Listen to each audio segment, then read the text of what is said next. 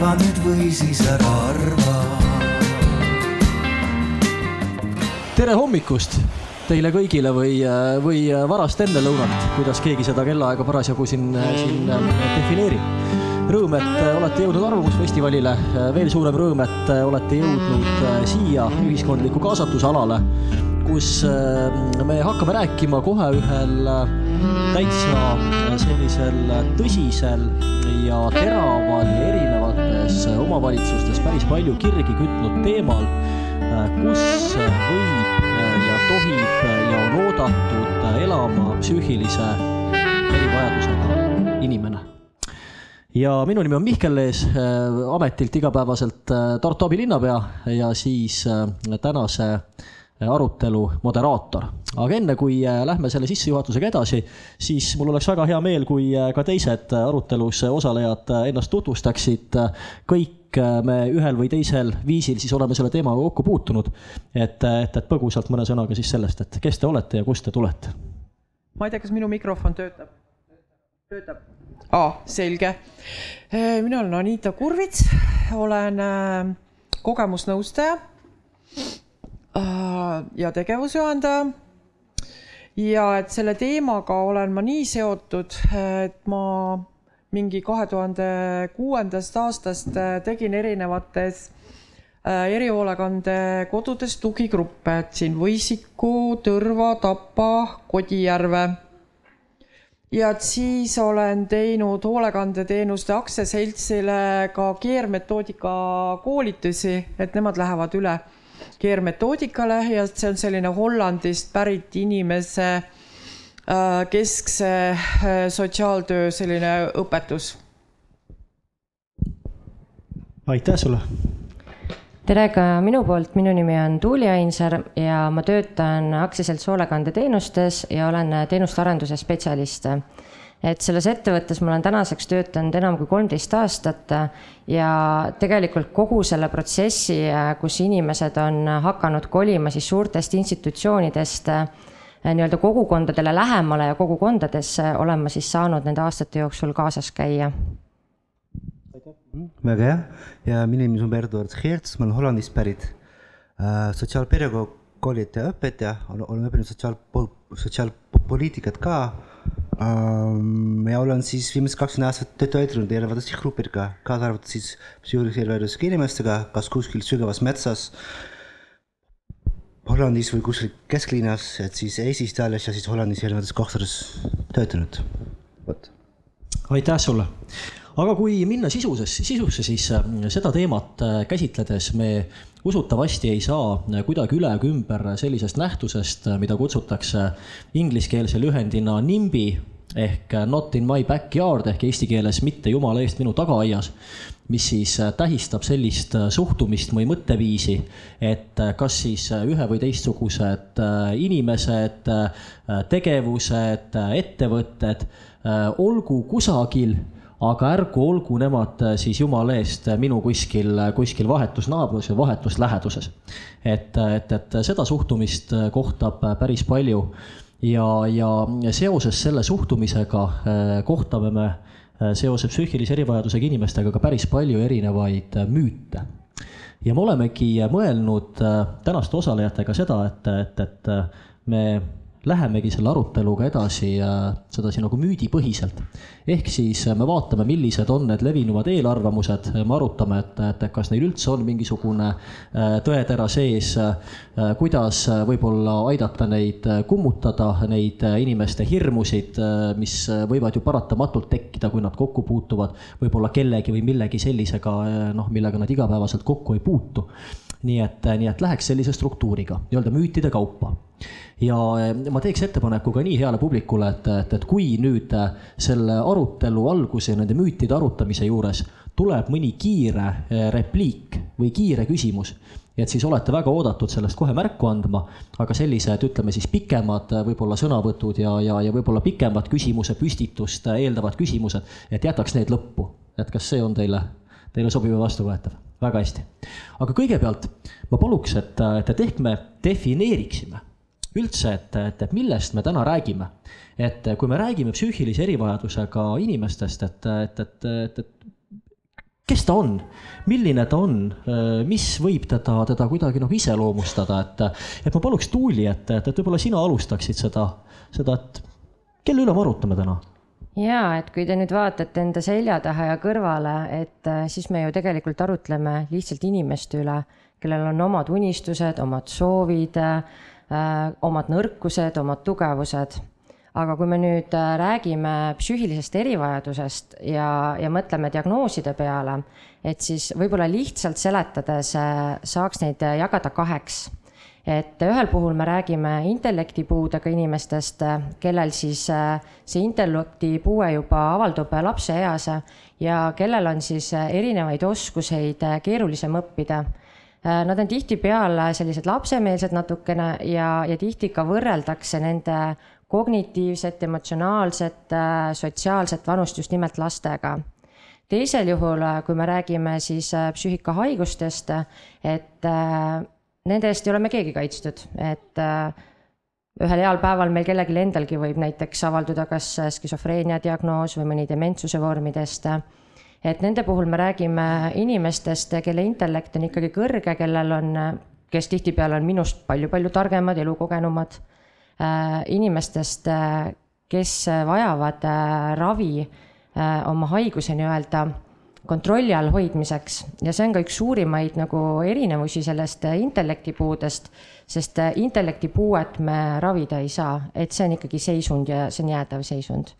Küll aga siis seda mm, psüühikahaigust me saame ravimitega kontrollida ja siis nii-öelda neid sümptomeid alal hoida aitäh sulle, see oli väga, väga põhjalik äh, sissevaade.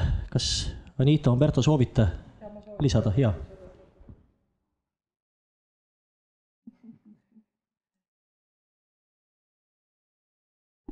hallo ah,, ma tahtsin seda öelda ka selle skisofreenia kohta, et mina ise ka elan koos skisofreeniaga, aga et ma olen äh, lõpetanud näiteks Tartu Ülikooli ja hoolekandeasutustes näiteks üks, üks, kes minu klient oli, tema oli soome keele magister. aitäh sulle, Umberto, soovid täiendada? Võib-olla ainult nii palju siis, et kui mõned asjad on kaasa sündinud ja ei saa ravida, on nagu omapärad selles mõttes, see ei tähenda, et, et nagu inimestel on nagu õppimisvõimeline, et, et äh, kui sul nagu sotsiaalne vanus on kümme või seitse, see ei tähenda, et sa ei ole võimeline nagu õppida, et see elukogemus, see nagu oskuste õppimine, et see on midagi, mis ikka saab juurde tulla, et, et äh, ma arvan, et see on tähtis ka, jah, selle juurde panna. selge, no aga nüüd, kui me oleme proovinud defineerida, kellest me räägime, siis, siis lähme siit edasi nende, nende müütide juurde. ja me oleme välja valinud või no mis valinud, ütleme siis, siis selekteerinud, grupeerinud ja leidnud kolm sellist, sellist peamist müüti, mis siis kogukondadega suheldes on, on erinevatest kirjadest, erinevatest petitsioonidest, erinevatest artiklitest välja tulnud. ja esimene neist müütidest on selline, võiks ta kokku võtta nii, et psüühilise erivajadusega inimestel endal on parem elada kogukonnast eemal. on neile endale parem. ja võib-olla mõned äh, tsitaadid siis ka siiski erinevatest pöördumistest, mida siis äh, hoolekandeteenustele on saadetud. Äh, näiteks selline tore kiri. sügava või raske puudega inimestel ei ole kindlasti vahet, kas tema kodu on asulas sees või väljas, tööstuspiirkonna ümbruses või metsade vahel, vahe on aga seal ümbruses elavatel inimestel siis on kirjutatud veel nii. kõigepealt mõtlesin, et äh, kui näiteks minuga peaks nii juhtuma, kus ma tahaksin olla, kus see kodu võiks asuda? kas ma tahaksin olla kohas, kus inimesed pidevalt liiguvad, kus pole privaatsust? kindlasti ei taha. Ja kolmandaks, linnakeskkonnas võib erinevate sündmuste tähistamiste raames toimuda näiteks ilutulestiku laskmine, mis on rahu armastavatele hoolealustele kindlasti väga šokeeriva mõjuga no nii, head eksperdid, kuidas te siis, siis kommenteerite neid väiteid ja üldiselt seda põhimõtet, et, et, et erivajadusega inimesel on endal parem elada kuskil kaugel metsa sees mägede vahel ja jumala eest mitte teiste inimestega koos? Ma arvan, kui võib, siis jah. et ma mäletan, et see oligi see deinstitutsionaliseerimine hakkaski kuskil kaks tuhat kuusteist ja et kui mina seal ka hooldekodudes nagu oma tegevust äh, alustasin. Ja siis ma mäletan ka, et noh, et oli mingi selline argument, et ohoo, et no, et mida nad sinna linna otsivad, et ega nad ometi ööklubis, klubisse ei taha minna. Ja et siis ongi nii, et üks minu endine klient liikuski siis sealt äh, maakohast Tartusse ja et siis me käisime möödunud nädal ühe kambaga Rootsis kolm päeva ja siis võtsime tolle inimesega kaasa ja siis laeva peal me käisimegi kõik koos ööklubis ilusasti Nonii, aitäh ma siis võib-olla jätkan siit, et äh, ega erivajadusega inimesed ei ole ju alati institutsioonides elanud. et enne institutsioonide loomist nad elasid samamoodi kogukonnas, nagu me, me neid täna siis nii-öelda kogukonda tagasi toome. Põhjus, miks nad üldse institutsioonidesse viidi, ei olnud äh, noh, teps mitte sihuke, et keegi oleks tahtnud kellelegi kurja või halba teha, vaid pigem see, et äh, selle inimese lähedased saaksid tööl käia ja ei jääks nii-öelda siis tööturult eemale ja ega institutsiooni loomise eesmärk nii-öelda siis äh, võib-olla nende inimeste jaoks, kes seal elama hakkasid, oli ikkagi pigem see, et sarnaste tunnustega inimesed äh, saavad teraapiliselt kaunis kohas nii-öelda teenust. Aga unustati ära see, et äh, sellistes suurtes institutsioonides teenuse pakkumisel ei ole võimalik arvestada iga isiku iseloomuga, eripärade ja soovidega. ehk siis tegelikkuses need inimesed jäid kõrvale kõigest Äh, ma olen ise kokku puutunud äh, klientidega, kes tegelikult ei ole poodi saanud äh, üle kümne aasta. mõni on saanud seal poodi isegi viisteist ja kakskümmend aastat, kui nad institutsioonis elasid. Et kas see on normaalne, et ükski inimene ei peaks elama eraldatus, hoolimata siis sellest, kas tal on mõni diagnoos või ei ole tal ühtegi diagnoosi et, et kõigil on nagu õigus, see on põhiõigus saada osa kõigest sellest õppimisvõimalustest, töötamisest, diskoteegis käimisest ja, ja nii edasi, jah. see on mitte ainult põhiõigus, aga ka põhivajadus, ma arvan, et see nagu esimene vajadus, meil on nagu inimesena, meil kõigil on kuuluda, eks ju, et me oleme sotsiaalsed olendid, et me peame, me oleme loodud teistega olla, elada, õppida koos. ja kui me oleme kuskil eraldi, siis me ei saa ju olla ja õppida koos, eks ju, kas nagu seesama turvalisus, seesama, needsamad baasväärtused, mida, mida meil kõigil on, eks ju, et koos olla, koos armastada, koos nagu elada, eks ju, töötada, olla kasulik, panustada, see kõik, kus me võtame nagu oma nagu eneseväärtusi ja kõike, eks ju. kui me kuskile eraldi pannud, siis ma ei saagi võimalust nagu enne kohta leida, panustada, vastu võtta abi, kui vajalik, eks ju, et, et nii ei töötagi. et siis ise ei saa õppida ka ja siis ongi neid nagu kurvad näited, mul üks poiss, kes tuli nagu meiega reisile, siis tema pidi nagu esimest korda pidi muna keetma ja siis ta küsis, kas, kas näiteks üks tund peaks keetma muna või mitte no ei tea, sa elus pole kunagi mune keetnud, siis alati keegi keetis köögis. tema oli seal nagu institutsioonis, istus, keegi pakkus talle süüa, kõik. ja ta oli väga hea kokk, tal nii, tal nii maitses sööki ja ta oli nii hea ja loov. aga kui keegi ei anna sulle kunagi võimalust, kuidas sa tead, eks ju et tahtsin lihtsalt öelda seda, et tegelikult need inimesed, nad ei taha palju, nad tahavad lihtsalt normaalset ja tavalist elu ja et kui meil on see endal see tava, tavaline elu olemas, on ju, et siis me sellest aru ei saa. aga kui meil seda enam ei ole, et siis, et äh, jah, lihtsalt tavalist elu elada ja olla võrdsed teistega et neid võetaks võrdseda, võrdsetena, et neid ei häbimärgistataks, ei tõrjutaks ühiskonnast välja. ja et noh, et mõnes mõttes ma saan ka kogukondade hirmust aru, et ma mäletan, et kui ma läksin ise esimest korda hoolde, Äh, koduse grupi tegema, et siis mul oli ka väike selline hirm oli sees, tunnistan ausalt üles, onju.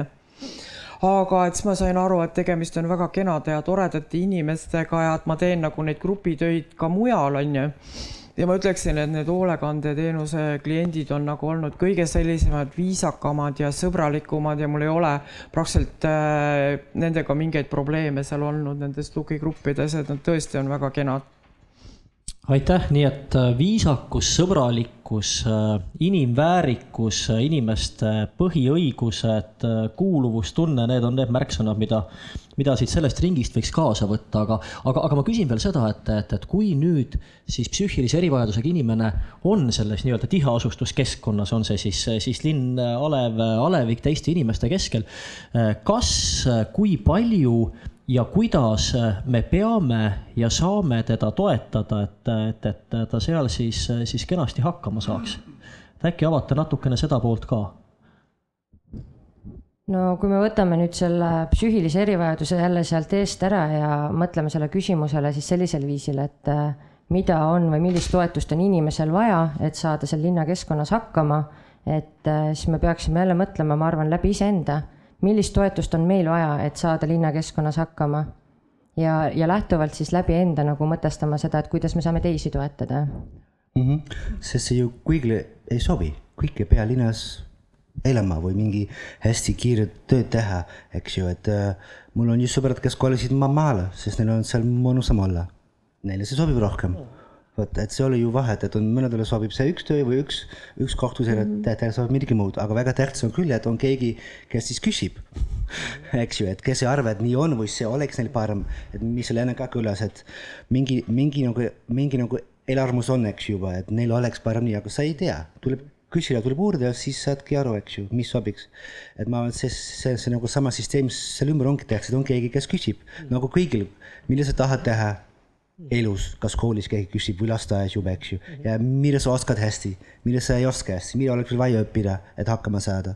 et see on sihuke üldine asi, mis tavaliselt keegi küsib lasteaias, koolis, polekski veel liiga vähe, võiks natuke rohkem niikuinii sellest rääkida, mida sa oskad hästi, mida sa tahaksid teha. et nii ongi jah. Mul oli üks koolitus, üks taastumiskursus, kus olid erinevate psüühikahäiretega inimesed. Ja siis seal oli Karula kodust vist oli kaks Downi sündroomiga poissi. ja et siis ma sain teada, et noh, et nad kolivad Viljandisse ja mõtlesin, et ohoo, et ehmatasin ära natukene selle peale aga siis pärast ma kuulsin, et nad olid seal Viljandis nagu väga hästi omadega hakkama saanud ja seal linna peal käinud ja niimoodi ja et tegelikult tulevad toime küll ja minu arust siit tuli, tuli välja veel ka väga, väga hea point, et, et, et inimesed, olenemata sellest, kas neil on äh, ühe või teistsugune eriline vajadus või mitte, on erinevad ja inimesed, osad tahavadki elada maal ja osad tahavadki elada linnas ja täpselt samamoodi me siis peaksime käsitlema ka psüühilise erivajadusega inimesi. et ega me ei pea ju siis, siis kõik ilmtingimata linna sundima. Äh, tuleks nagu uurida, et, et mis siiski inimese enda soov on, et saime sellest mõttest saime sellest mõttest õigesti aru, et. jah, täpselt nii ja vaadata, mis oleks vaja, et siis ennast teostada, eks ju, et, et, et nagu oma võimeid proovile panna, et saada panustada, olla, elada, noh, nii nagu meil, meil oleks kõigil parem, jah. üks teine äh, suur müüt äh,, mis on, on välja tulnud, on umbes selline, et äh, isegi kui äh, see psüühilise erivajadusega inimene äh, võiks teiste keskel elada on kindlasti erinevaid äh, asukohti või erinevaid piirkondi, kuhu ta siiski elama ei sobi. las ta olla seal linnas, aga ühte või teise konkreetsesse kohta ta ei sobi. ja siis jällegi mõned tsitaadid pöördumistest. Äh, meil pole midagi nende vastu, aga see maja on liiga lähedal mänguväljakule ja lapsed hakkaksid neid kindlasti narritama. mis siis saab, kui pall kukub teie aeda? teine pöördumine maja on kergliiklustee kõrvale plaanitud. mis saab, kui elanik astub majast välja ja lükkab lapse ratta pealt pikali või laps sõidab talle otsa? Teie tulevase maja lähedal on seikluspark, kas nad tohivad siis sinna kah minna? kauplused ja ahvatlused on väga lähedal. hakkavad ju kõike tahtma, mis on kaupluses vitriinakna peal, aga ta ei saa ju lubada endale seda jalgratast. miks me tekitame inimestele kurbust, pannes nad kesklinna elama? Alkoholipood on liiga lähedal. aga mis saab, kui nad hakkavad jooma kogu päeva? no kuidas siis on, mis siis juhtub, kui panna erivajadustega inimeste maja keset kortermajade piirkonda või, või pannagi erivajadusega inimesed kortermajja mõnda korterisse elama? mis siis saama hakkab? No mina jälle ütleks omalt poolt, et võtame jälle selle erivajaduse ära ja küsime siis selle küsimuse niimoodi, et eh, mis hakkab saama, kui inimesed eh, kolivad eh, kortermajade lähedal asuvatesse või lasteaia lähedal asuvatesse hoonetesse. et mitte midagi ei hakka saama. Need hirmud on mõnes mõttes põhjendatud, sest tõepoolest on ju olnud erivajadustega inimesed nii-öelda metsade taga peidus pikaajaliselt ja mis seal salata, et sellised ägedad Ameerika action filmid ju manavad ka väga äh, niisuguse äh, õudsa, õudse pildi inimestest, kellel võib siis olla mõni psüühiline haigus näiteks. Äh, aga, aga teisest küljest jällegi, et kui, kui on juba inimestel see kogemus olemas, et siis nad äh, reeglina näevad, et ei ole mitte midagi halba.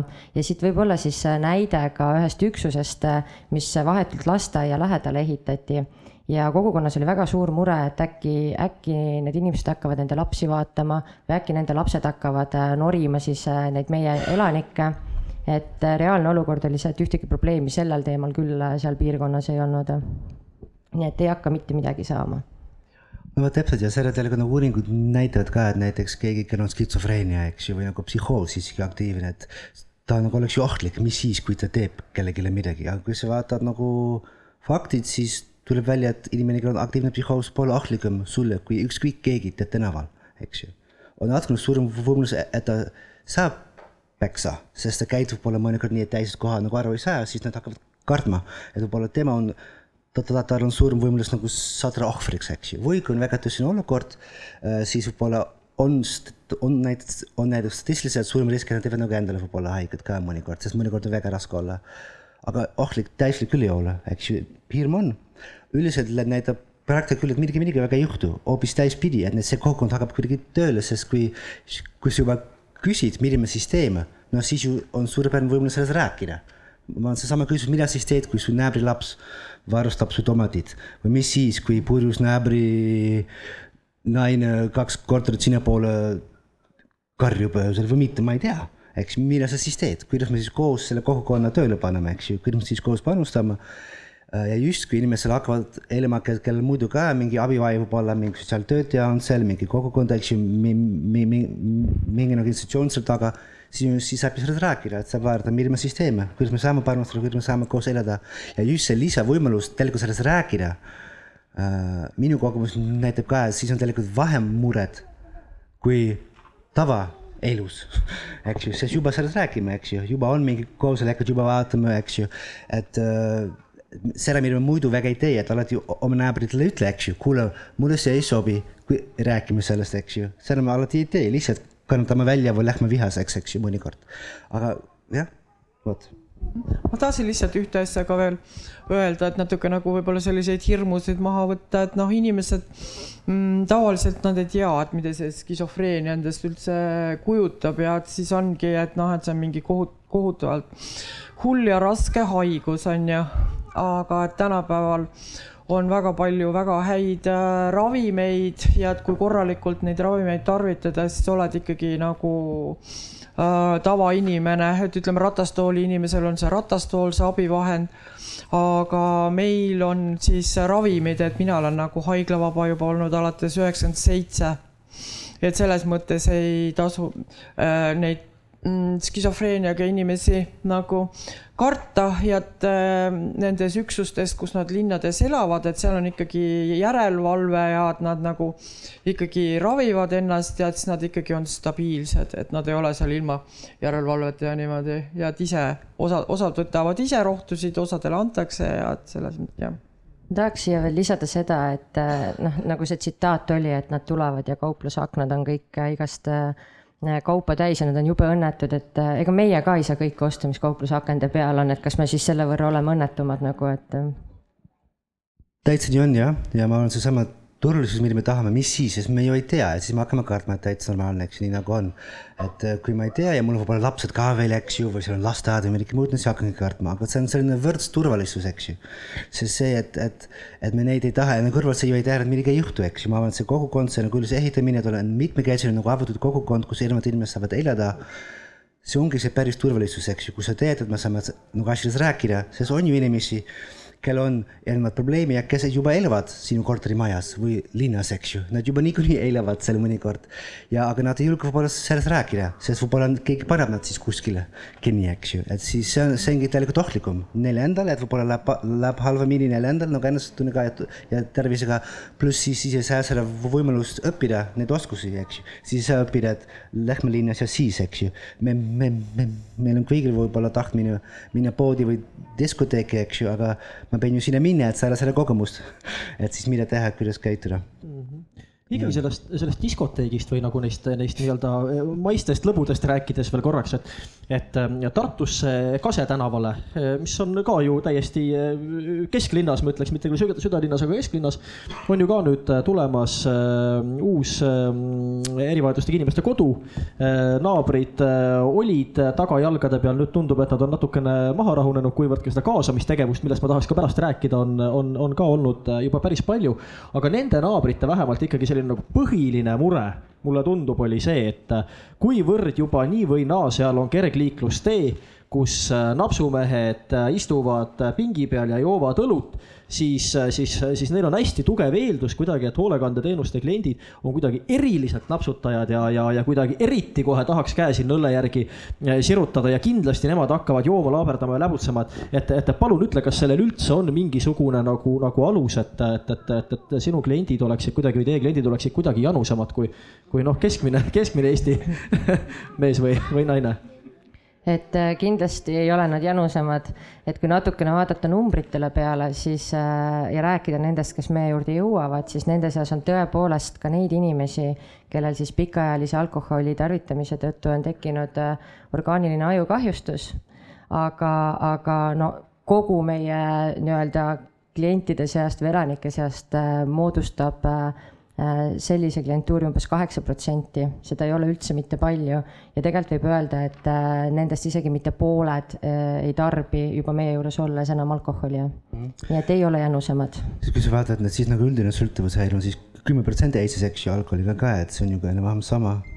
ja muidugi on inimesed, kes võib-olla hakkavad jooma sealt nagu igas linnas on mõned inimesed, kes hakkavad jooma, täiesti ei hakka jooma, aga jälle kogemus näitab, kui on sul juba mingi nagu nagu tugisüsteemi ümber, eks ju, keegi, kes vaatab, suhtleb, räägib, siis see võimalus on tegelikult vähemas, sest keegi nagu on seal valmis ka nagu aitama, kui võimalus, kui võimalik on. Ja ma arvan, see on ka tähtis, et, et inimesed saavad aru, et ei ole ju nii, et keegi läheb seal elama ja siis teeb, mis tahab, nii ei ole ju, ühiskond just siis, et keegi on sinu ümber, nagu me kõik teeme, kui sa elad pärast, käid tööl, siis kõik su tervis jääbki paremaks, sest sul on mingi kontrollisüsteem, eks ju. Need, kellega sa elad, need, kellega sa töötad, eks ju. et kuidagi noh, et nad vaatavad, jälgivad, kontrollivad, et äh,. ja ega see noh on selliseid äh, elanikke ka, et äh, ta seal palaval suveõhtul noh, joobki selle ühe õlle ära ja noh, mis ja sellest siis on. palaval suveõhtul ühe õlle ära. no vot, et, et mis sellest siis on nagu, et, et see jälle, et on see nii-öelda erivajadus sealjuures ei tähenda, et ta ei võiks omale lubada seal pokaali veini või, või pudel õlut, et et sellega tuleb mul meelde üks jaanipäevaaegne lugu, kus kohtusin ühe meie elanikuga kogemata poes ja ta oli just ostmas omale õllepurki ja kuna ta tundis mu ära, siis ta ütles, et ära nüüd kellelegi räägi, et ma nii kauaks peidan selle sinna rattakorvi ära, kuniks töötajad minema lähevad, et siis ma joon selle õlle rahulikult ja jaanide puhul ära. Ja lõpuks sa ei saa ju vastust võtta, aga tõesti, see on väga tore ja armas, et keegi muretseb, et siis keegi läheb kurvaks, et poest midagi osta või keegi jääb sõltuvuses, aga see ei ole otseselt sinu mure, et igaüks vastab oma, oma, oma emotsioonile ja oma elu eest, eks ju, ja võid ju mure tunda ja seda teada anda, aga siis ongi, eks ju, et. Äh. Tartus me saime päris palju äh, ka selliseid pöördumisi, kus muretseti selle üle, et, et, et kui nüüd minu maja või korteri äh, kõrval on siis erivajadustega inimeste kodu et minu kinnisvara hind ju äh, langeb kohe vähemasti poole võrra, sellepärast et kes küll tahaks kolida sellesse majja, kes küll tahaks kolida sellesse piirkonda, kui on teada, et seal ometigi selline koht ja sellised inimesed on. kas teil on, kas teil on ka, ka ülevaadet sellest, äh, ma vaatan just hoolekandeteenuste poole, et, et kas, kas, kas on kusagil äh, nähtud siis tõsisemat kinnisvarahindade kukkumist seoses sellega, et, et, et teie enda kodusid rajate? Äh, no numbrilisi fakte ma ei oska hetkel välja tuua, aga nii palju ma tean ja nii palju ma olen kinnisvaraga rääkinud, et äh, ei, see on puhas müüt, täiesti müüt, puhas müüt, et tegelikult ju kogukonna tugevust ka näitab see, kui palju on inimesel võimalik sealt kogukonnast abi saada. ja ega siis see, kui on sinna erihoolekandeteenus loodud, muudab ju lihtsalt selle kogukonna tugevamaks, noh, tegelikkuses. ja lisaks sellele meie ümber elab väga palju äh, psüühilise erivajadusega inimesi, nii et me ei teagi, et nad on mu naabrid või kuskil. et äh, keegi ei sildista neid, keegi ei märgi ära, et ma ei tea, korteris majas kümme, korter kaheksa elab üks skisofreenik. et noh, see ei saa mõjutada, see ei ole loogiline lihtsalt nii on ja tegelikult uuringud näitavad ka jälle, et nagu mitmekesisemad ühiskonnad on nagu edukamad, eks ju.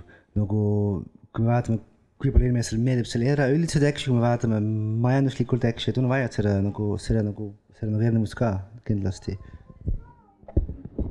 No mina võin öelda, et tegelikult need probleemid on igal pool mm, mujal maades ka, et noh, Soome on ju arenenud maa, eks ole, aga et ikka pidi olema probleeme, et kui sinna mingi kodu tehakse, et ollakse vastu ja nii edasi ja tagasi, aga et noh, näiteks just meil oli mingi veebiseminar, et siis Hollandis näiteks ongi sellised noh, nagu linnaosad, et kus ongi siis nagu puudega inimesed ja siis teised nii-öelda teised inimesed.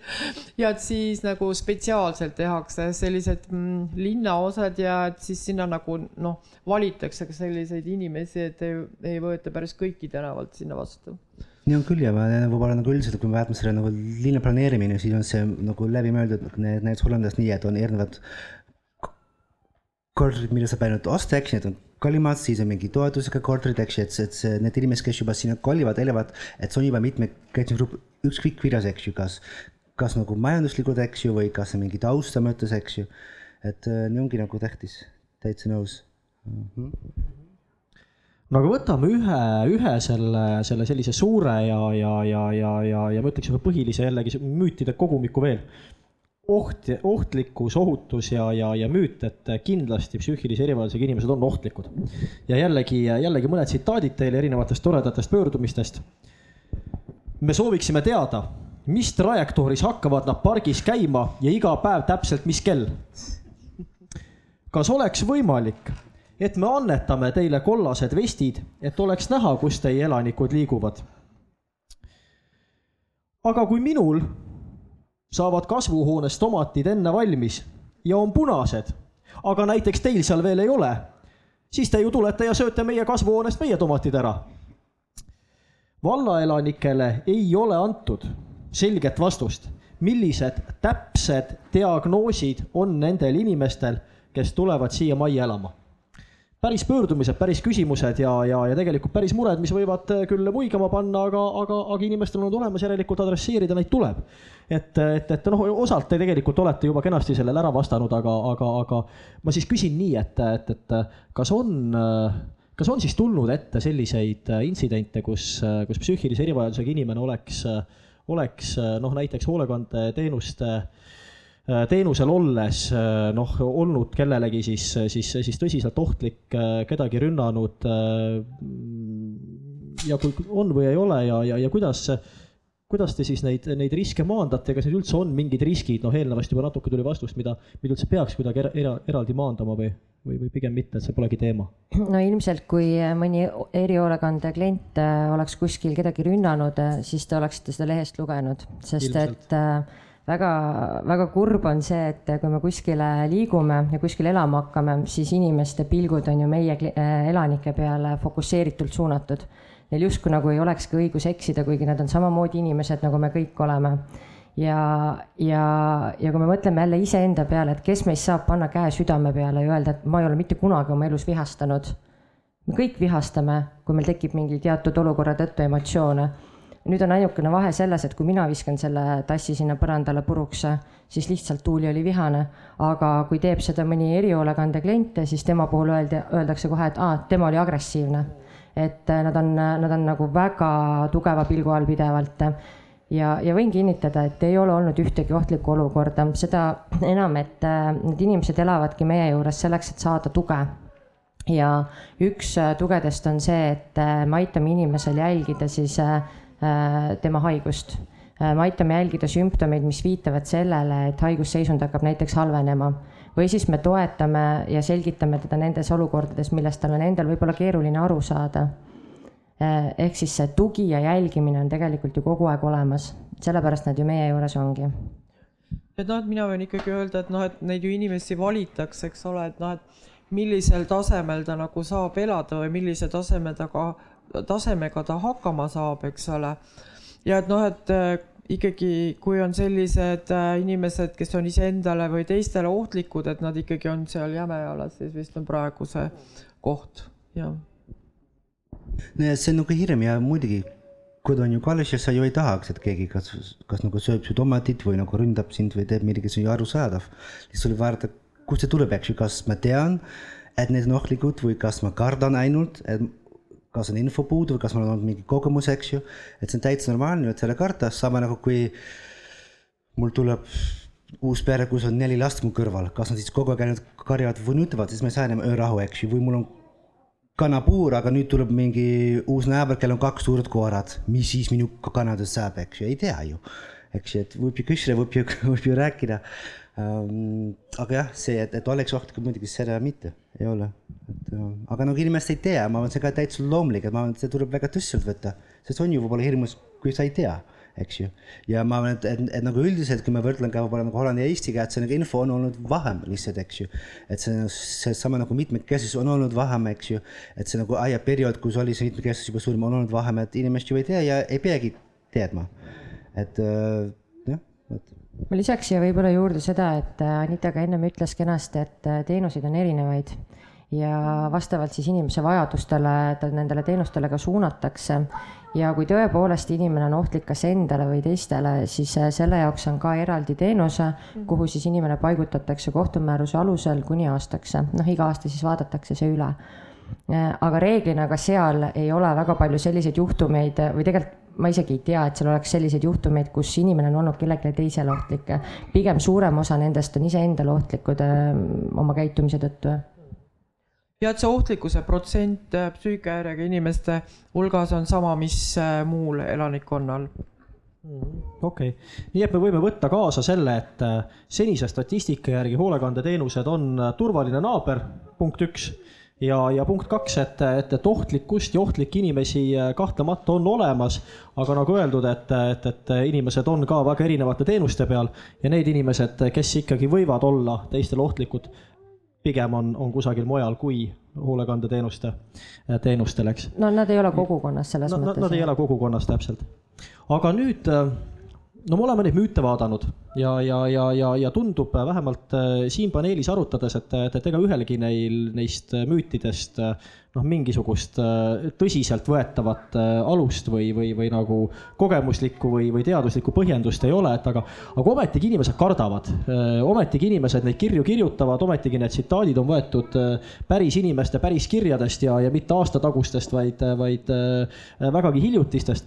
et, et, et selline hirm ja teadmatus, mis omakorda hirmu põhjustab, on ikkagi olemas, et, et kuidas äh, teie vaates kuidas me täna ühiskonnas ja kuidas hoolekandeteenused ühiskonnas täna neid hirme aitavad leevendada näiteks enne seda, kui mõni uus erivajadustega inimeste kodu tuleb.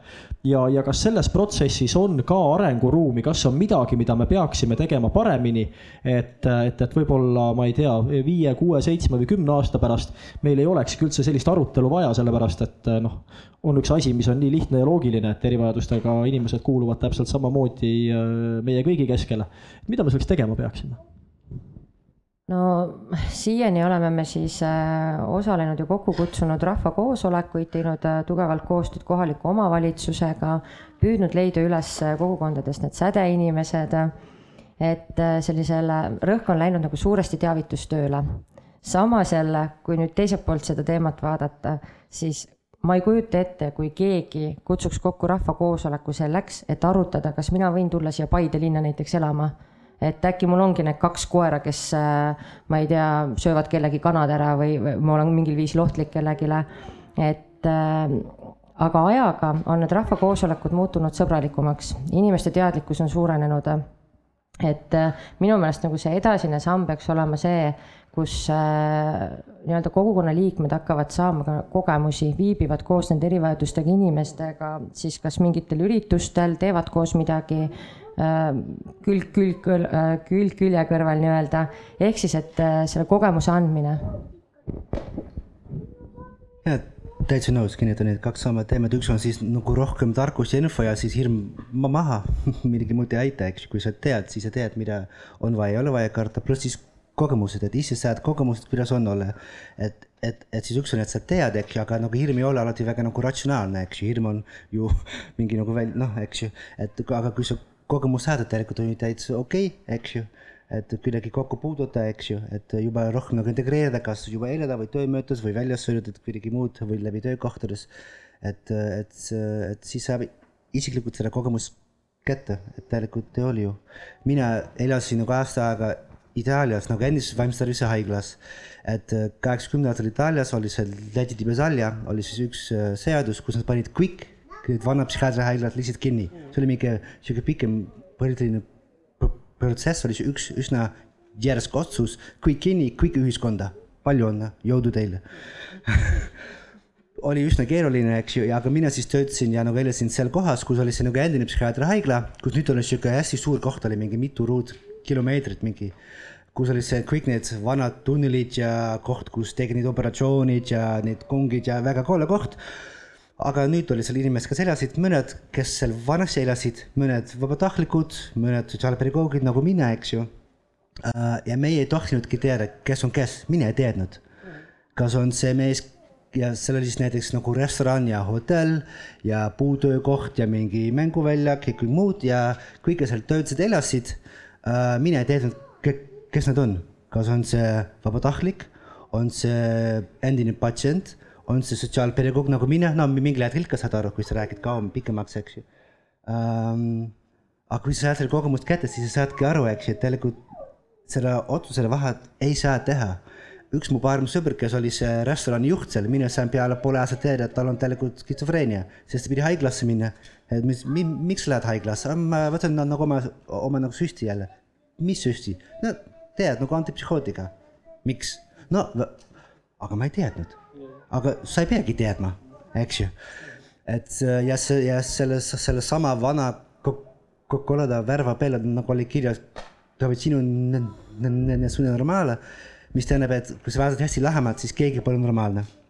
noh, mis on ka nii, aga mis mina sealt võtsin kõige rohkem, oli, oli see kogemus, kui mina ei kohtle kellegagi nagu ta oleks haige, siis väga tihti ta ei olegi haige mõnikord ikka tuleb välja, kui sul on tõsine haigus, mõnikord on arsti vaja minna, sa, sa, sa saad aru, nii on ka, eks ju.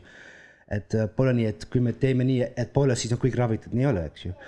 aga paljudes olukordades igapäevaelus, töötades, elades nendega koos samas majas, samas kohas, tihti sa ei saagi aru ja ei peagi, eks ju Anita, soovid või Tuuli? ma arvan, et tegelikult võiks ka kogemusnõustajad kaasata, et kui on mingid sellised äh, koosolekud ja et noh, et soovitaks teile ka, et äh, ikka kasvatage ka oma klientidest äh, tulevasi kogemusnõustajaid. aitäh, see on väga hea soovitus. ma tahtsin veel Umberto jutule lisaks öelda nende diagnooside poolest, et seal oli ka üks tsitaat, kus oli öeldud, et noh, et öelge nüüd kohe, et mis need diagnoosid on et eh, noh, neid diagnoose isegi kui me ütleksime, siis ilmselt nagu pooled neist ei teaks, mida need diagnoosid endast kujutavad ja mida need tähendavad. hoolimata sellest, et eh, ma olen pikki aastaid töötanud valdkonnas, aga mina ei ole ka nende diagnooside ekspert, selle jaoks on ikkagi arstid, eks ole.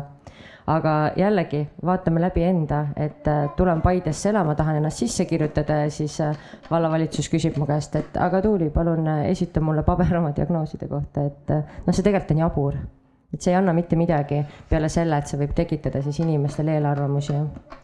et oli üks äh, väga tore sotsiaaltöö õppejõud, üks Soltpu Karsk ja tema ütles näiteks, et kui ma lähen mingisse töökohta, et ma ei pea seal ütlema, et mul on hambad haiged või mul, mul on süda haige, eks ole, et miks ma pean siis ütlema, et mul on mingi psüühikahäire. mille poolest see nagu siis nii eriline on? Täitsa nõus ja ma arvan, et see täiendas nagu, nagu selline üldine nagu suhtumine, mis võib-olla takistab tihti ka, on see, et me peame kõik ise hakkama saama, eks. Ju, seda me muidu töödes ka selle vaimse valdkonnas on ikka saame, et ise peaks hakkama saama, iga inimene ise peaks tööd teha, maksu maksta, hakkama saama, aga ei pea.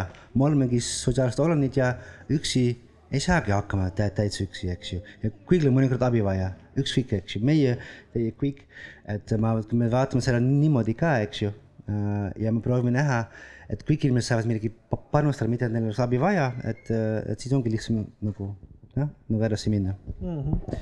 ja noh, siin ma annaks hea meelega omavalitsuse vaate, et, et, et meil on äh, Tartus äh, ju praegu värskelt see, see nõndanimetatud Kase tänava saaga on, on meil siis all, et, et, et ja, ja, ja ma julgustaksin hea meelega kõiki omavalitsusjuhte, et, et, et äh, ärge kartke, siis pole hirmu no poliitikute poolt vaadates, ega põhiline mure on ju selles, et, et, et elanikud hakkavad protestima elanikud on valijad, elanikke on tihti tunduvalt rohkem kui neid uusi elanikke, kes sinna tulevad. poliitikul hakkab jalg värisema ja siis, ja siis proovitaksegi, eks ole, tõmmata ühele või teisele projektile pidurit, et see on selline tavaline tendents et äh, ka Tartus äh, ju, äh, kui Kase tänavale hakati siis seda kodu, mis järgmise aasta aprillis, eks ju, peaks, peaks nüüd avatama, hakati rajama või planeerima, siis need petitsioonid tulid ikka rohkem kui saja inimese petitsioonid. kohalikud ettevõtjad, kes muidu ütleme siis nii, et reklaamivad ennast väga sotsiaalsete ettevõtetena olid tagajalgade peal, lähinaabrid olid tagajalgade peal. korraldasime kõigepealt ühe kaasamiskohtumise, kus täpselt samamoodi kenasti rahulikult vastati kõikidele, eks ole, neile müütilistele hirmudele. no minu hinnangul said kõik küsimused küll kenasti vastatud ei sobinud, tulid, tulid järgmised kirjad, korraldasime järgmise kohtumise, täpselt samamoodi rahulikult ja empaatiliselt said kõik need küsimused vastatud. noh, ja, ja ühel hetkel oli tegelikult täiesti selge, et, et, et noh, ükskõik kui palju me neid siis nüüd argumenteerime või üritame siis seda täielikku konsensust leida, et, et, et seda tegelikult ei tule ja see oligi lihtsalt see koht, kus, kus omavalitsus pidi otsustama ja poliitikud pidid otsustama, et, et, et noh, täna me nüüd teeme seda, et, et, et mis võib-olla ei ole antud hetkel äh, selles linnapiirkonnas sajale või saja viiekümnele inimesele kõige populaarsem. me riskime sellega ja me teame, et võib-olla järgmised kohalikud valimised seal hääli ei saa, mis seal ikka, vähemasti me teeme õiget asja. Noh, ja nüüd, ja nüüd siis, siis kenasti Kase tänavale see, see maja tulemas on ja ma olen täitsa kindel, et, et, et tuleb Tartusse tuleb Tartusse neid ka juurde, kui, kui vähegi on tegijaid ja, ja inimesi, kes siis Tartusse äh, kolida tahavad. et, et, et võib-olla niisugune väike, väike julgustuskõne kõikidele kohalikele poliitikutele, kes seda vaatavad praegu või ei vaata, et, et ei tasu karta, aga väike repliik sealtpoolt.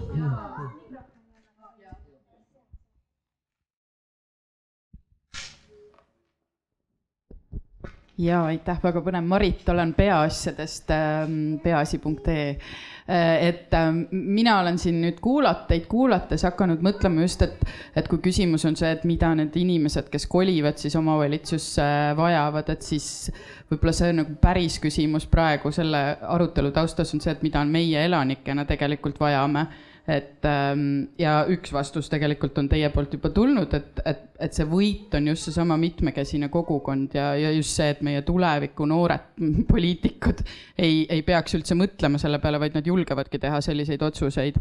ja, ja tegelikult see ikkagi puudutab seda sotsiaalemotsionaalset oskust, mida me peame juba lasteaiast ja kodust peale hakkama äh, toetama koolides igal pool, et see, et meie ja mina ja minu tunded ja teised ja nende tunded ja nende erisused ja mina minu erisustega, et me kõik saame tegelikult koos elada, et see on nagu pigem ikkagi, ma arvan, väga pluss ja rikastav kogemus, et ja just nendes aruteludes mulle tundub ka see küsimus, et mida meie kohaliku omavalitsusena just nende kogukondade inimestele saame pakkuda, et, et just nende sotsiaalemotsionaalsete oskuste programmide puhul, mis tavaliselt on suunatud koolidesse, siis just see suvi uurisin ja nägin, et et järjest rohkem just pakutaksegi nagu kogukonnapõhiseid neid ka Ameerikas näiteks, kus on teemaks rassism ja, ja diskrimineerimine just oma etnilisuse tausta tõttu, et, et samamoodi, et, et peab hakkama mõtlema, et kuidas me kuidagi järeleaitamistunde neile teeme, kes praegu meie kogukondades lihtsalt elavad, et nad oskaks tulla toime mitmekesisusega, et äh, ja see on tegelikult nagu hea investeering ka, eks ju, üldisele kogukonnale, et mitte ainult, et see üks, need inimesed, et nad saaksid siis elada väga tore, eks ju, aga see on nagu üldine nagu investeering kogukonnale, eks ju. kuidas me koos saame olla nüüd ja tulevikus täitsa, täitsa nõus, jah. Et mina räägin natuke oma lapsepõlvest, et ma kasvasin üles Võrumaal, siis meie juures elas ka üks vaimupuudega meesterahvas. Ja ta oli nagu ka selline noh, kogukonna osa, et ta käis seal mööda, käis poodides, on ju, tõi poest meile süüa, sealt bussidega käis, aitas igal pool majapidamistöödes ja ma mäletan, et noh, et kui olid tema matused, et siis oli ilusasti kogu küla nagu oli kohal ja et noh, see oli, see oli normaalne, see oli normaalsus mm. -hmm. Ja, ja me ei saa ka nagu ära unustada, et on tegelikult nii palju ressurssid ka, eks ju, meil on see standard arusaam, kes on see standardmens, mis peab oma standard asju teha, eks ju, et käib koolis, siis läheb tööle, eks ju. et see on nii kahju, mina töötan Tartu Järve Majanduslikus Koolis ja eelmine nüüd just äh, mais siis need, äh, see gümnaasiumis viimane klass lõppes, olen nii kurb, et nad saavad aru, et ma olen ju nii võimeline ja ma olen selle gümnaasiumi ära teinud ja, aga mis siis pärast saab, kas minu jaoks on koht? Et nad tundsid, et minu jaoks ei ole kohta, et ma ei tea, kuhu minema, mida õppida, sest mis ikka, mis vahet on, eks ju.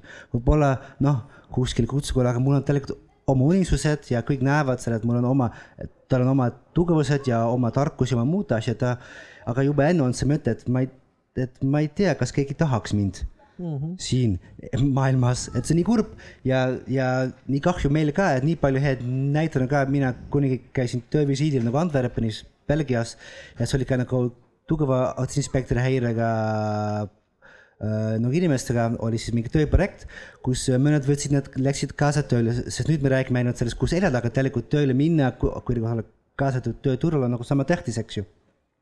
ja oligi siis nii, et nad tegelikult ei saanud hakkama tööl, sest neil olid raske suhelda täiesti inimestega, kolleegidega.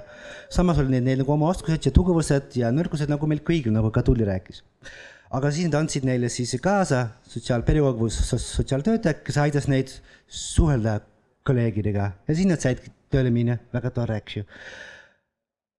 ja siis tuli välja, et nad, nad ei saanud ainult tööle minna, aga nad olid nii head, neil oli see fookus kuidagi nii tugev ja see nagu, see nagu detail, see nagu fookus detailidele, et nad olid maailma parimad tarkvara testijad et nad lõpuks teenisid linnana miljonit eurot sellega, et nad testisid selle tarkvara parem kui keegi teine oskas, eks ju. et on tugev oskus, on mingi nõrkus ka, aga kui me aitame nende nagu nõrkustega, et aitame inimesi lihtsalt olla kaasatud tööle minna, siis saa-, noh, siis me saame neid oskusi ka kasutada ja aga, aga, räägimegi, laiendamegi siis veel natukene seda, et, et, et millest sina alustasid. ehk siis küsimus sellest, et, et, et kuidas või mida annavad siis erivajadusega inimesed ühiskonnale. et üks, üks aspekt selgelt on, on selline pikaajaline sotsiaalne mõju, kus me kasvame terve ühiskonnana tugevamaks ja tolerantsemaks. siin tulid juba sellised hästi konkreetsed tööturu mõtted, aga, aga, aga mida veel, et, et, et võib-olla ka häid näiteid Eestist oleks teil tuua no eks ikka inimesed äh, lähevad tööle, et äh, üks vist klient oli mingi kaheksakümne kuuendast aastast äh, olnud Võisikul, et praegu ilusasti elab Tartus ja käib ilusasti tööl. mis tööd, mis tööd nemad teevad?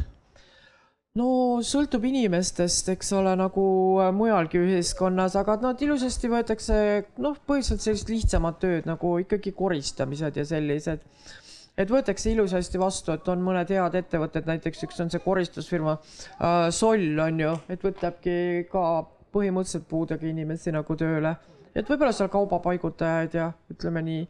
aga et see soome keele magister, et tema nüüd otsib endale erialast tööd vot ja tegelikult ju ei tea, kui me räägime üldiselt, see võib, on, me oleme, teen, mõned inimesed, kes nagu õpivad, kes teevad oma doktorantuuri, eks ju, kuskile, et mingi nagu omas teemas.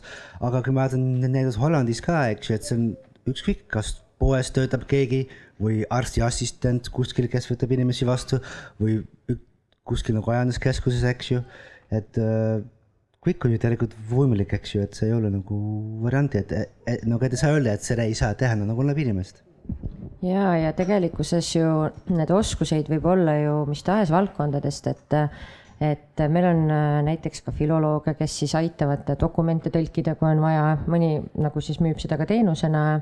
samamoodi võib-olla näiteks kogukonnas mõni matemaatikaõpetaja, kes on õhtuti nõus näiteks tulema kellegi last järele aitama.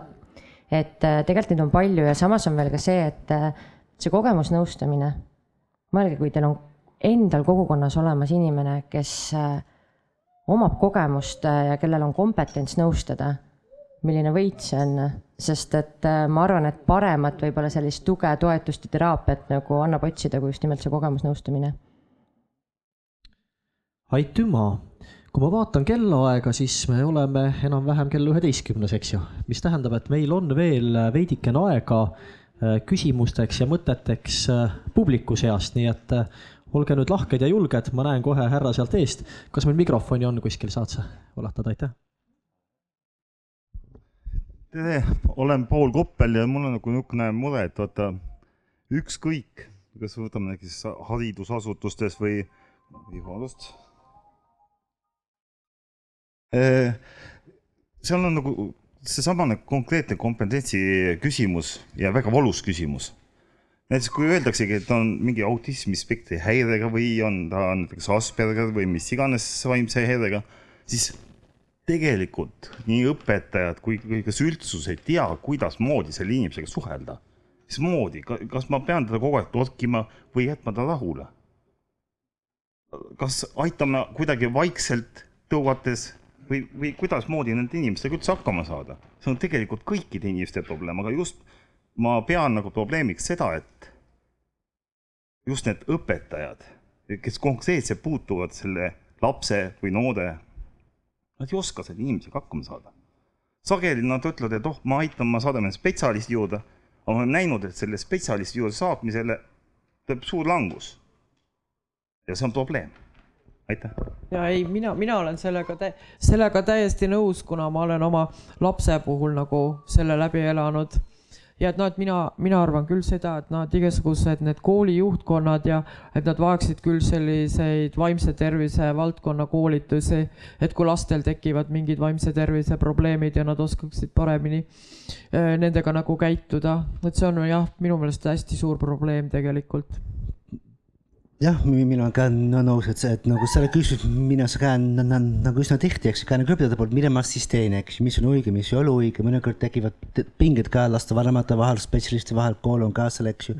meil on see kaasav haridus, eks ju, võiks olla, peaks olla, aga siis on vaja ka, et, et nagu õpetajad saavad neid oskusi, et neil on aega ja mahtu neid asju õppida, eks ju äh, koolis juba pärast, eks ju, kovisioon, supervisioon, aga siis on täitsa võimalik, üldiselt õpetajad tahavad ju töötada lastega, noortega, nad on heatahtlikud, lapsed tahavad ju õppida, tegelikult kõik tahavad õppida.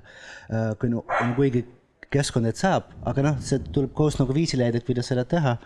Äh, on neid koolitusi on, eks ju, aga no tuleb nagu siis nagu ikka nagu rohkem energia panna sinna, et õpetada, et nagu aidata äh, ja üldiselt on ka see nagu noh, seesama normaalsus ka, eks ju, et äh, peab olla viisakas ja kui sa istud laua taga kinni kaheksa tunnid päeval ja oled äh, tasa ja ütled ilusti nagu uuesti, mida õpetaja just rääkis sulle, eks ju, siis oled tubli, eks ju. kui sa ei tee palju lärmi ja teed oma ja selle, siis oled hea laps, eks ju.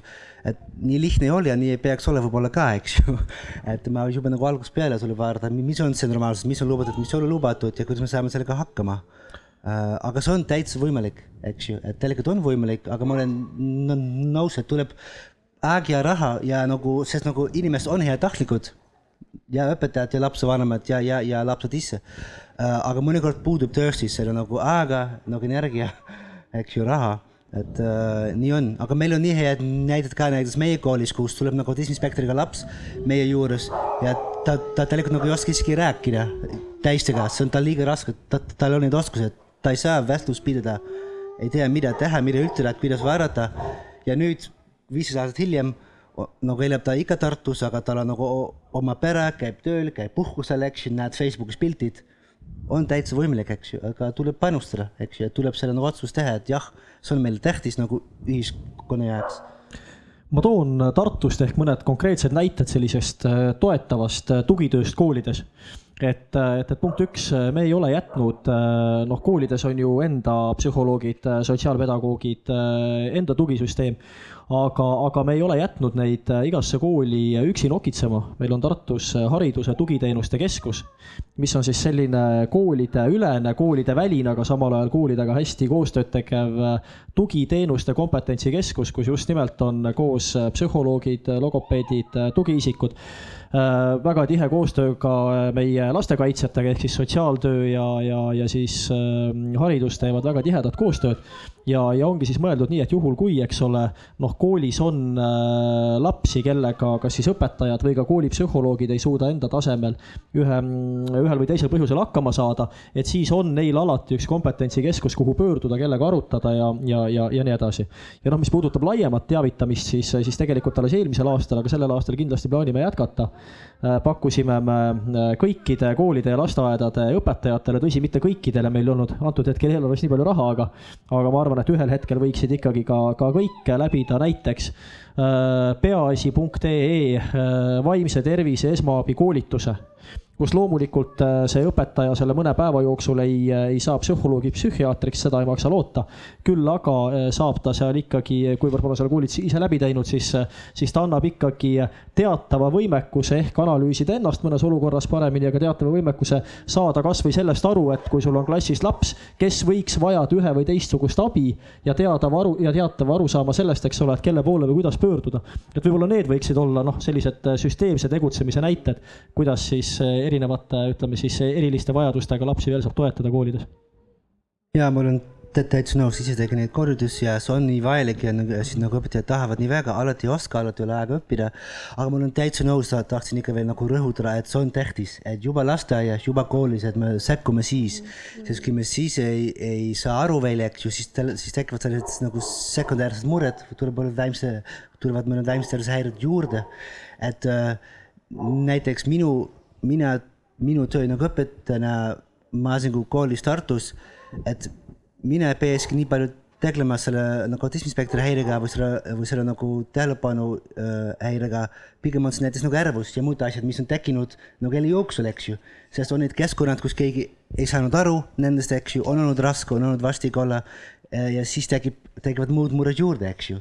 ärevus, mingi muud probleemid Äh, sõltuvused mingil hetkel, eks ju, kas arvuti või alkohol. et äh, see varane sekkumine, et, et, et siis õpetajaks näiteks saaksid aru ja teeksid, mida teha, mida mitte teha, see on äärmiselt tähtis.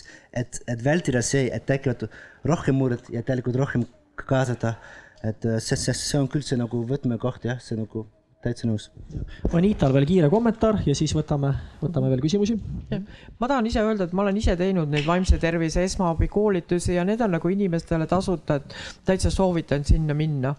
ja et väga tore, et äh, Tartus on selline äh, tugi punkt või, või keskus äh, avatud, et minul need probleemid oma lapsega olid kümme aastat tagasi, et noh, et jumal tänatud, et mul on selle üle tõesti südamest hea meel. aitäh sulle, nii, aga ole hea nii, kõigepealt kuidagi kummitab peas see tomatite teema, et äh, et ma mõtlesin lihtsalt niipidi, et kui ennem saavad, saavad valmis selle erivajadustega inimeste kodutomatid, mis siis saab, on ju, et mis see kogukond ümber teeb siis, on ju. Äh, või, või see, et ma olen äh, keskmiselt suurem inimene ja, ja, ja, ja kiilanev, et mõtlen, kui sellistele inimestele kodu luua, et kui suurt ühiskondlikku arutelu see nõuaks, on ju.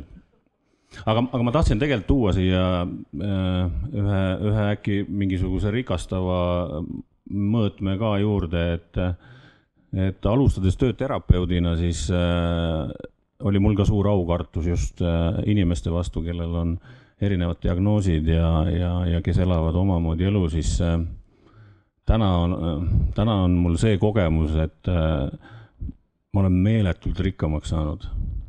ma olen äh, näinud, kuidas need inimesed peavad nii-öelda põlvini poris või, või näoli poris äh, ühiskonnas tulema ja tõestama, ise tõestama, et ma olen inimene täitsa tavaline inimene ja, ja see on mind inimesena nii palju rikastanud, et kui siit toodi välja see kogukonna mõõde, et äh, kui nad on kogukonnas olemas, siis minu arust on kogukonna noh, see ütleme, kehatemperatuur ka paigas kui neid ei ole, siis ta on kas alakraaditud või ülekraaditud, aga, aga, aga tuua just seesama mõõde, et mina inimesena olen tänu neile saanud rikkamaks ja paremaks.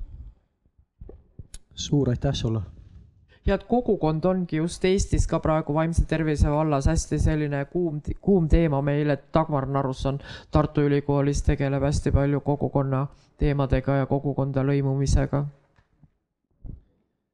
kas publiku seast jaa, ole hea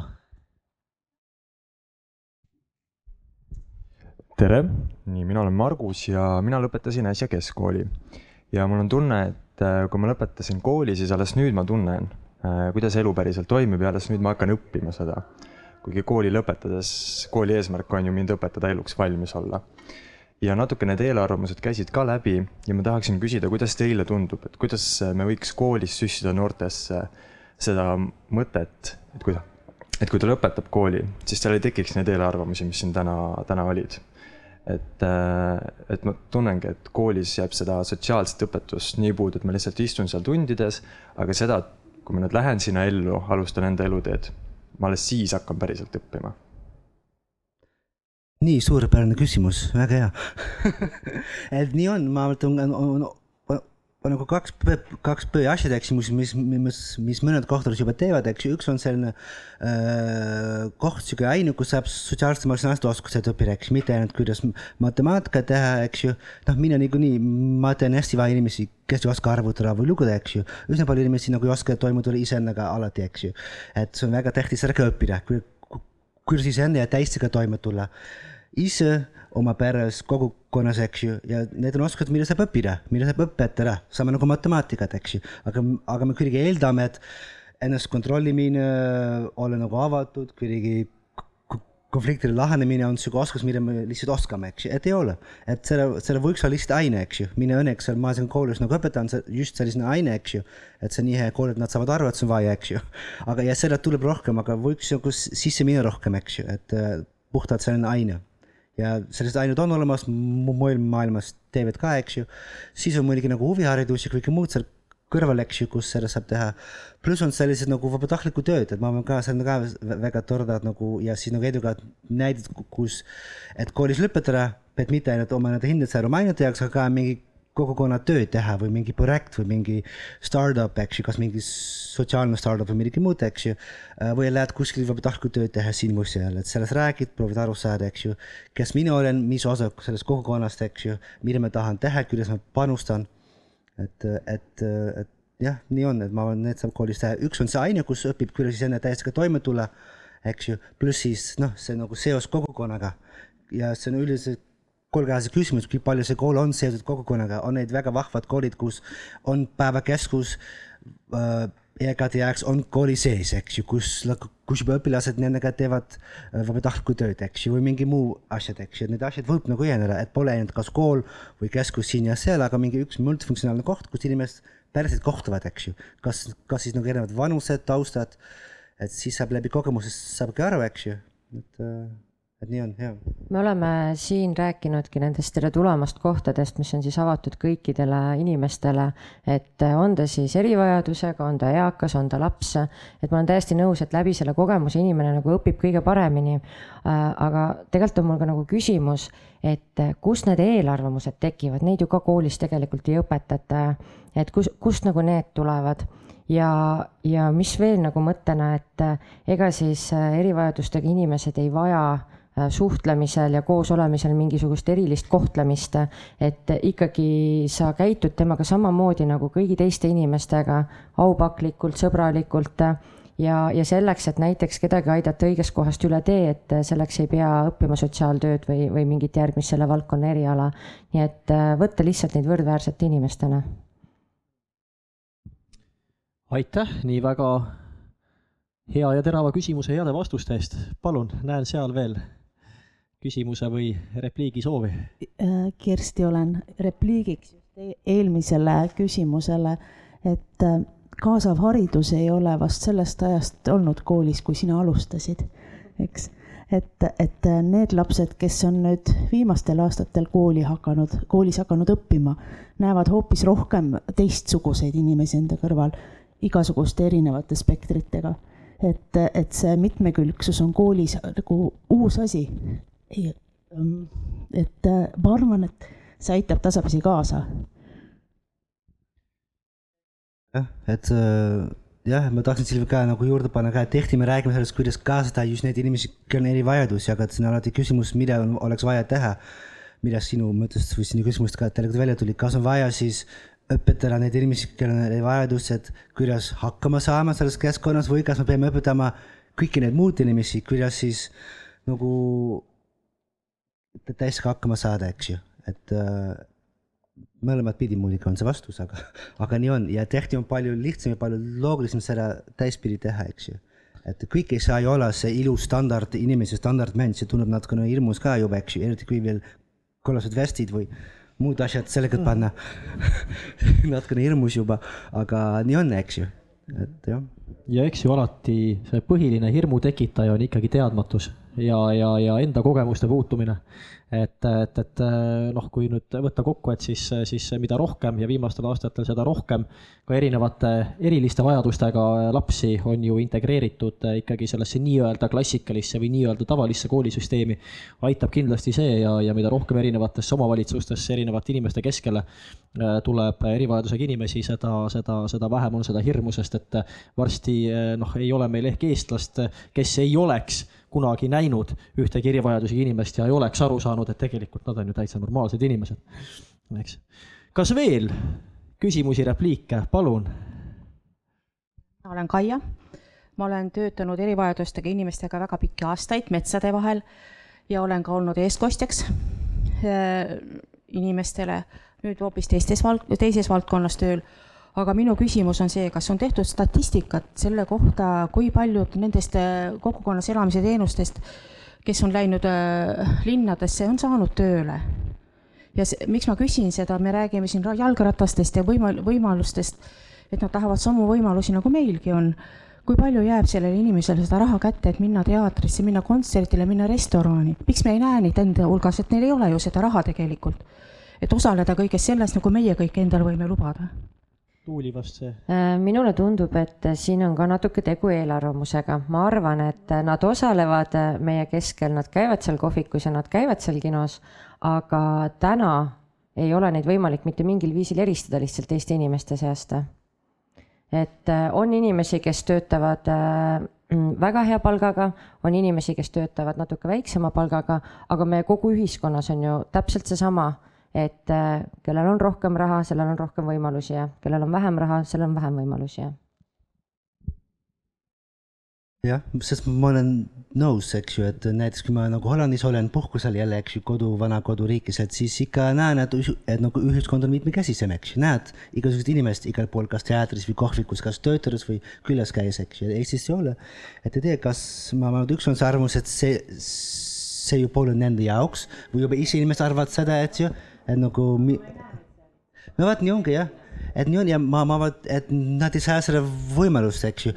mine mõnikord rääkides näiteks lastevanematega, eks ju, kellel on lapsed, kellel on nagu erinevad psüühilised nagu erivajadusi, siis ah, aga see ju tal ju noh, et see, me oleme harjunud sellega, et see ole tema jaoks, eks ju, et tal on ju raske, mis ei ole ju nii, eks ju, just needsamad asjad, eks ju, kino, teatris, kohvikus oleks ju nii noh, vajalik ja nii hea, eks ju, et, et üks on, on see vale arvamus, eks ju, et see pole nende jaoks ja nagu raha on ikka puudu ka, et nii on, et oli ju raha kuskile välja minna, et äh, nii lihtsalt ongi ka, et nagu raha ei ole, et igalt poolt välja minna ja, ja selle otsus tuleb teha ja see on valus otsus, eks ju, et seda raha peab siis kuskile mujale võtta ja siis sinna panna, eks ju, jah. ja see on seesama nagu seesama kaasamine ka. meil on ju hea rääkida, et on nii tore see ühiskond, kogukond, kõik nagu läheb paremaks ja edukamaks. Aga on ka need hetked, kus sa pead ise nagu midagi panustada, eks, kui sa oled naaber või oled, eks ju, kõik alati ei ole ju ilus, eks ju, nii nagu niikuinii ei ole, võib küll õpetaja ja me teame, et see nagu kaasav haridus on tegelikult kõigile hea, kõigile õpilastele oleks kaasav haridus hea, kui on erinevad õpilased erinevate taustaga seal klassis. aga see tähendab ka, et võib-olla mõnikord saab natukene vähem teha ühe või teine asi, eks ju, et see tuleb kuskilt võtta, kui see on piisavalt tähtis, siis sellest saab teha, eks ju. Äh, aga noh, siis kõik peavad olema valmis ka panustama selle nimel. ma tahaks siia veel ikkagi nagu rõhutada juurde seda, et kui, kui kunagi seal metsade taga inimesed elasid ja nad said korra kuus minna poodi, siis võetigi see bussitäis, kakskümmend inimest pandi peale, mindi kõik korraga poodi ja siis loomulikult kõik said aru, et aa, vaadake, need on sealt, ma ei tea, Koloverest või Mõisamaalt siia poodi tulnud täna ikkagi arvestatakse inimese enda huvidega ehk siis elaniku enda huvidega ja nad käivadki ükshaaval Äh, täna nad ei käi enam riides nii, nagu nad käisid vanasti, et äh, nad saavad, käivad juuksurite juures, pediküüris, maniküüris, on sõna otseses mõttes nii lille löödud, et kui mina näiteks lähen mingitesse üksustesse, siis äh, mina ausalt ei erista seal üksuses, et kelle näol on tegu töötajatega ja kelle näol on tegu siis tegevusjuhe või nende, meie elanikega. et te ei pane neid lihtsalt tähele enam nii, äh, aeg näitab seda, et meil on veel täpselt üks küsimus ja, ja, või repliik, ole lahke. aitäh, see on, ma vastaksin sellele eelmisele küsimusele, et sel suvel kinos töötades äh,, seal käib väga palju inimesi ja ka on sattunud sinna erivajadustega ja puudega inimesi, kellel on siis see puudekaart, nad saavad soodustust sellega. ja kui nad tulevad, siis sa ei saa üldse aru, et nad äh, on äh, mingisuguse erivajadusega. Et nad ongi meie keskel, nii et me ei märka neid. Ja kinodes ka meil on äh, ratastooliga, nad saavad tulla, tulevad inimesed karkudega. et nad käivad ja naudivad täpselt samamoodi seda kultuurielu nagu meie.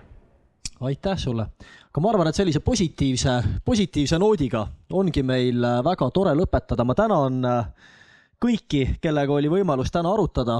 ma tänan väga teid, et, et, et te tulite, mõtlesite kaasa, aitate ehk levitada sõna ja, ja, ja, ja mõtteid, mis sellest arutelust tekkisid. ma tänan hoolekandeteenuseid ja, ja Miltonit, kelle koostöös siis just selline arutelu on täna tekkinud. ja ma loodan, et, et, et tänu sellistele aruteludele, tänu kõigi meie tööle jõuame me juba õite varsti Eesti ühiskonnas äh, sellisele tasemele, kus äh, Arvamusfestivalil selliseid arutelusid, mis küsivad selle järele, et kes tohib kusagil elada, enam pidama ei peagi. nii et äh, jõudu teile kõik ilusat, ilusat päeva ja, ja nautige Arvamusfestivali, aitäh! selge see, et ega kõike kõike teha. puudub laud ja mäng, edasi me peame.